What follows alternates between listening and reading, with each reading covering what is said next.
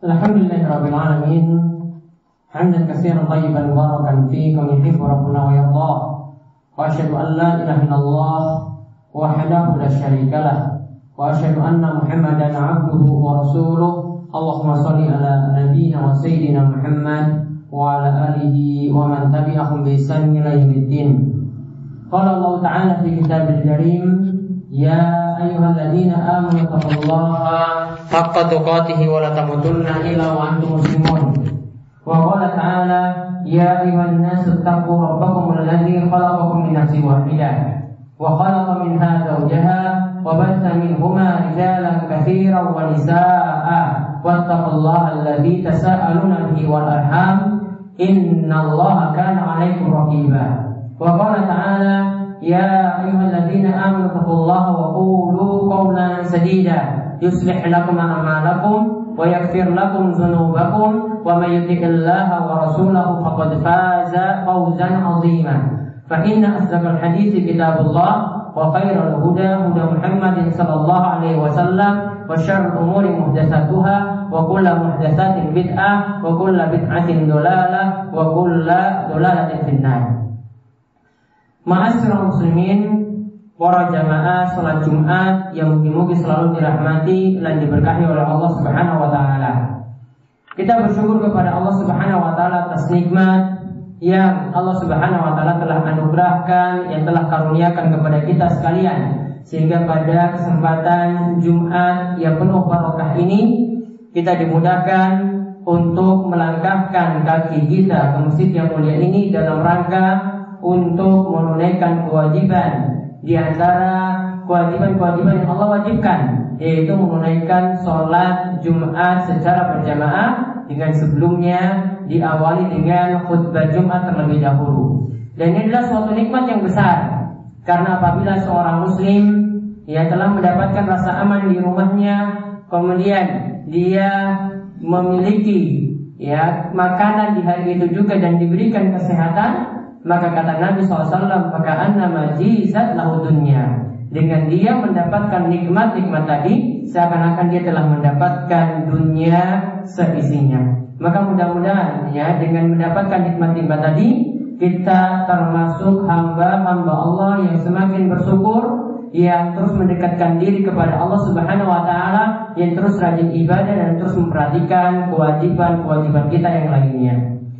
Kemudian salawat dan salam semoga tercurahkan kepada junjungan kita Nabi besar Nabi Agung Muhammad Sallallahu Alaihi Wasallam di mana Nabi kita Muhammad adalah Nabi yang mulia, penghulu para Nabi dan juga setelah beliau juga hidup orang-orang yang mulia yaitu para sahabat radhiyallahu anhum mulai dari Khalifah Abu Bakar As-Siddiq ya kemudian Khalifah Umar bin Khattab radhiyallahu anhu, kemudian Khalifah Utsman bin Affan dan yang berikutnya adalah Khalifah Ali bin Abi Thalib. Mereka itu adalah sahabat-sahabat yang mulia yang telah berjuang bersama Nabi kita Muhammad sallallahu alaihi wasallam. Ma'asyiral muslimin rahimani wa rahimakumullah. Kita masih berada dalam suasana di bulan Dzulhijjah atau bulan besar. Di mana pada bulan ini Terdapat amalan-amalan yang mulia yang telah kita lewati Di antara saudara-saudara kita ada yang melaksanakan ibadah haji Dan di antara kita juga ada yang menjalankan ibadah kurban dengan harta yang dia miliki. Kita mohon pada Allah subhanahu wa ta'ala mudah-mudahan para jamaah haji di antara saudara-saudara kita diterima amalannya menjadi haji yang mabrur dan juga diampuni dosa-dosa mereka dan juga setiap yang melakukan ibadah kurban itu juga diterima amalan mereka dan juga diampuni setiap dosa-dosa yang mereka lakukan. Ma'asyiral muslimin, jamaah salat Jumat yang mungkin selalu dirahmati oleh Allah Subhanahu wa taala. Telah disinggung dalam khutbah-khutbah sebelumnya bahwa Islam itu adalah ketika seorang itu menjalankan lima rukun Islam di dalamnya yang di mana telah disebutkan dalam hadis Jibril di mana Nabi SAW itu ditanya oleh malaikat Jibril yang ketika itu datang untuk mengajarkan para sahabat mengenai ajaran-ajaran penting, mengenai ajaran-ajaran din yang penting, yaitu Jibril datang untuk mengajarkan dalam bentuk tanya jawab dengan baginda Nabi Shallallahu Alaihi Wasallam. Ditanya apa itu Islam, ditanya apa itu iman, ditanya apa itu ihsan, dan juga ditanya apa itu tanda-tanda hari kiamat. Yang telah kita bahas itu adalah mengenai Islam itu sendiri. Islam kata Nabi SAW yang namanya Islam itu adalah antashhada alla ilaha illallah wa anna muhammadar rasulullah wa iqamas wa iqamas salat wa ita'iz zakat wa hajjil bait wa shami ramadan. Atau Rasulullah Sallallahu Alaihi Wasallam, yaitu namanya Islam. Engkau bersaksi bahwasanya tidak ada yang, yang berhak disembah selain Allah Subhanahu Wa Taala dan Nabi Muhammad itu adalah utusan Allah. Kemudian engkau mendirikan sholat, waktu kimas sholat, dan engkau waktu zakat menunaikan zakat. Wa Ramadan dan engkau menunaikan puasa di bulan Ramadan wa baita ini sabata ilai sabila dan engkau menjalankan ibadah haji ketika engkau itu mampu untuk melakukannya. Kita ulang lagi, kita lihat tentang masalah syahadat. Yaitu apa yang dimaksudkan dengan syahadat? Kita bersaksi bahwa Allah itu adalah satu-satunya yang kita ibadahi. Allah satu-satunya yang kita sembah. Allah satu-satunya yang kita tujukan ibadah. Tidak kepada makhluk-makhluk yang lainnya. Maka ibadah-ibadah yang mulia seperti sholat yang kita lakukan, ibadah-ibadah yang mulia seperti puasa yang kita lakukan, ibadah-ibadah yang mulia seperti kurban atau sembelihan yang kita lakukan itu hanya boleh ditujukan kepada Allah Subhanahu wa taala. Siapa saja yang mengalihkan atau menjadikan satu ibadah saja kepada selain Allah, maka dia dikatakan kafir karena telah berbuat syirik. Nabi SAW itu mengatakan, Man mata, ya barang siapa yang mati. Dan dia dalam keadaan ya berbuat syirik kepada Allah Subhanahu wa taala dakhalan maka dia akan masuk neraka barang siapa yang mati dalam keadaan ya berbuat syirik kepada Allah Subhanahu wa taala maka dia itu akan masuk neraka maka syahadat yang dimaksud di sini kata para ulama yang pertama harus dia ucapkan di dalam lisan yaitu dia akui dia ucapkan la ilaha illallah. Dia ucapkan la ilaha illallah, yaitu tidak ada sesembahan yang berhak disembah selain Allah. Kemudian yang kedua, kalau dikatakan bersyahadat, berarti diikut sertakan juga dengan meyakini dalam hati. Diikut sertakan pula dengan meyakini dalam hati. Jadi dia akui bahwasanya hanya Allah yang berhak diibadahi, hanya Allah yang berhak kita tunjukkan ibadah untuknya. Tidak kepada kayu, tidak kepada pohon, tidak kepada kayu besar, tidak kepada penguasa laut dan seterusnya. Ibadah dia yakin dengan seyakin-yakinnya ibadah tersebut hanya ditujukan pada Allah semata. Kemudian di dalam syahadat juga berarti kalau orang itu bersyahadat berarti dia menjalankan berbagai macam konsekuensi yaitu maksudnya adalah berbagai hal yang menunjukkan Islamnya itu benar maka dia harus menjalaninya. Berarti orang yang bersyahadat la ilaha illallah sama sekali tidak berbuat syirik. Dalam lisannya dia katakan tidak berbuat syirik. Dalam hatinya dia katakan tidak berbuat syirik. Dalam perbuatannya juga dia menyatakan yang menunjukkan mempraktekkan tidak berbuat syirik sama sekali kepada Allah Subhanahu wa taala. Karena ingat sekali lagi bahaya syirik itu begitu banyak yang Allah Subhanahu wa taala sebutkan misalnya dalam surat An-Nisa ayat ke-48 Allah itu berfirman Innallaha la yakfiru ayyushraka bih wa yakfiru ma duna dzalika liman yasha. Sesungguhnya Allah tidak akan mengampuni dosa syirik dan akan mengampuni dosa di bawah syirik bagi siapa saja yang Allah Subhanahu wa taala kehendaki. Kemudian dalam syahadat juga disebutkan kita juga bersyahadat Muhammadur Rasulullah. kita bersaksi bahwasanya Nabi kita Muhammad itu adalah utusan Allah.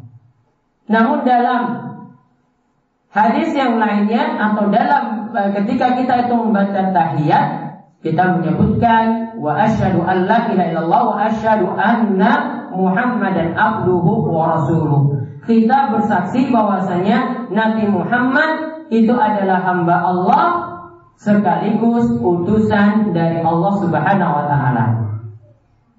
Para ulama menerangkan kalau kita meyakini Nabi Muhammad sebagai hamba, artinya kita akui Nabi Muhammad adalah sebagai manusia. Artinya Nabi kita Muhammad SAW tidak boleh ditinggikan derajatnya sampai derajat Tuhan. Tidak boleh kita mempertuhankan Nabi Shallallahu Alaihi Wasallam. Nabi hanyalah seorang nabi. Nabi Muhammad bukanlah Tuhan. Maka tidak boleh doa kita ditujukan kepada Nabi. Apalagi kalau beliau sudah meninggal dunia. Tidak boleh kita bertawasul lewat perantaraan Nabi. Lebih-lebih lagi kalau beliau telah meninggal dunia. Sudah berada di alam barzah, alam yang terpisah. Maka Nabi tidak boleh diangkat derajatnya melebihi ya derajat dia sebagai seorang nabi. Jadi nabi adalah nabi berarti tidak boleh diangkat menjadi Tuhan. Kemudian kalau kita katakan nabi itu adalah seorang rasul, berarti nabi kita Muhammad itu adalah utusan Allah.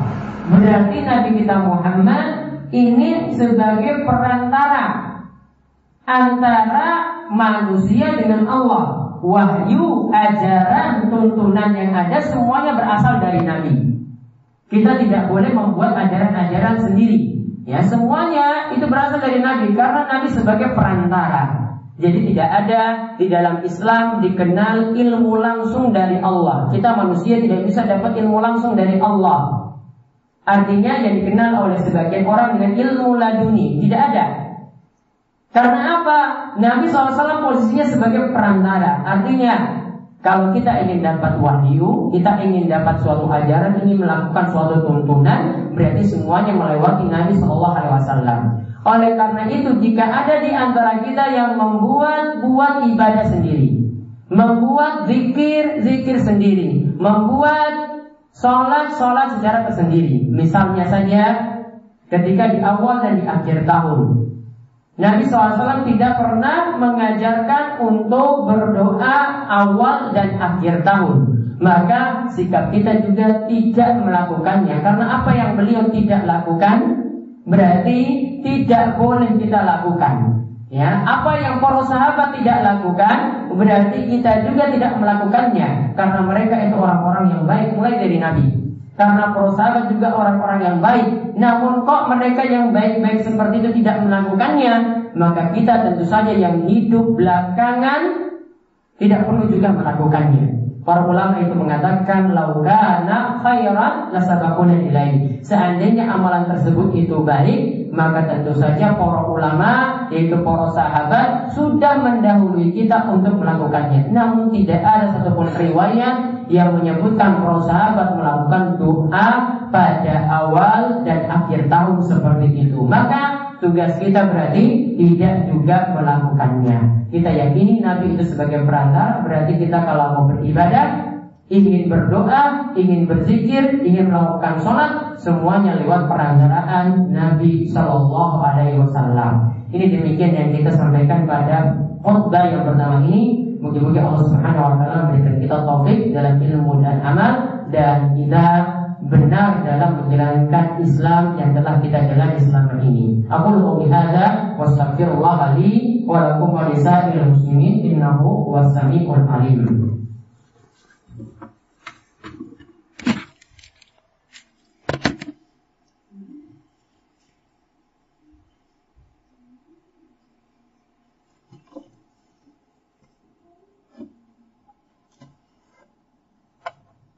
Alhamdulillahirabbil alamin hamdan katsiran tayyiban mubarakan fi kam yuhibbu rabbuna wa yarda wa asyhadu an la ilaha illallah wahdahu la syarikalah wa asyhadu anna muhammadan abduhu wa rasuluh Allahumma salli ala nabiyyina wa sayyidina Muhammad wa ala alihi wa man tabi'ahum bi ila yaumiddin.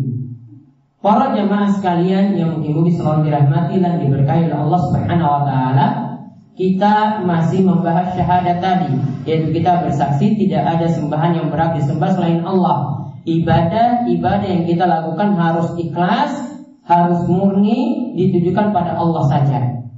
Kemudian kita juga bersaksi bahwa Nabi kita Muhammad itu adalah hamba Allah dan juga utusan Allah. Berarti kalau hamba kita tidak boleh melebihkan Nabi sampai derajat Tuhan.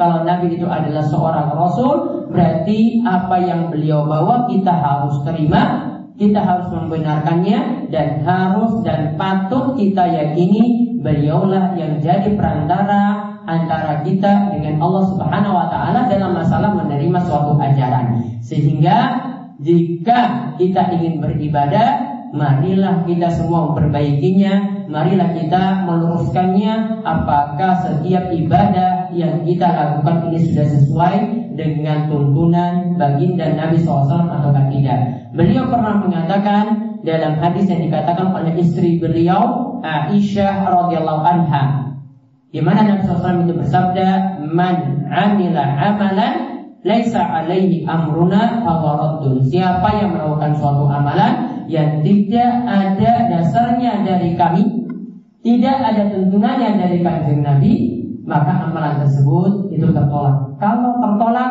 berarti amalan tersebut adalah amalan yang sia-sia. Kita mohon kepada Allah Subhanahu wa taala mudah-mudahan Allah terus memberikan kita taufik untuk menjalankan Islam dengan benar, untuk menjalankan konsekuensi atau hal-hal yang mesti dipenuhi dari kalimat syahadat la ilaha illallah dan juga kalimat syahadat Muhammad Rasulullah sehingga kita pun dimudahkan untuk ya persiapan kita bekal nanti di akhirat dan juga kita dimudahkan masuk surga dan Allah itu berfirman ya ayyuhalladzina amanu taqullaha wal tanzur nafsum ma qaddamat liqad wahai ya sekalian orang-orang yang beriman bertakwalah kepada Allah dan lihatlah bagaimanakah nasib kalian kelak Apakah kalian termasuk orang-orang yang selamat dengan amalan soleh yang kalian lakukan? Ataukah kalian termasuk orang-orang yang sengsara, yang celaka karena maksiat yang kalian itu melakukannya? Di hari yang cuma berbarokah ini, marilah kita bersolawat kepada Nabi Sallallahu Alaihi Wasallam karena barang siapa yang bersolawat kepada Nabi maka Allah akan membalas salawatnya sepuluh kali. Inna Allah malaikatahu salluna ala nabi Ya ayyuhalladzina amanu sallu alaihi wa sallimu taslima. Allahumma salli ala Muhammad wa ala ali Muhammad kama shallaita ala Ibrahim wa ala ali Ibrahim innaka Hamidum Majid. Allahumma barik ala Muhammad wa ala ali Muhammad kama barakta ala Ibrahim wa ala ali Ibrahim innaka Hamidum Majid. Marilah kita memanjatkan doa pada Allah Subhanahu wa taala mugi-mugi Allah memperkenankan doa kita di hari yang penuh barakah ini. Allahumma fir lil muslimina wal muslimat wal mu'minina wal mu'minat al ahya'i minhum wal amwat innaka sami'un qaribun mujibud da'wat.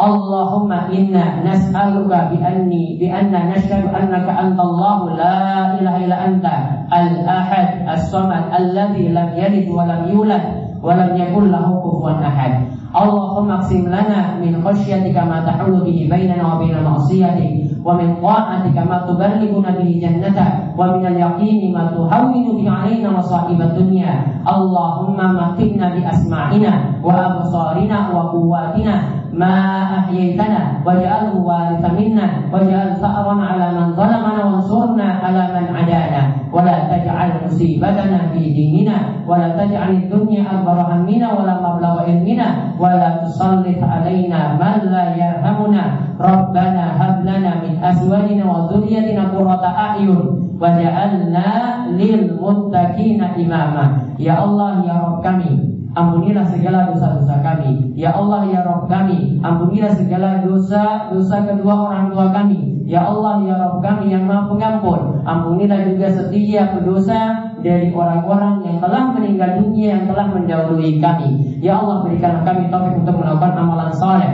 Ya Allah berikanlah kami taufik dan hidayah untuk menjaga sholatmu Ya Allah dengan melakukan ketaatan ini limpahkanlah rizki yang penuh barokah kepada negeri kami ini.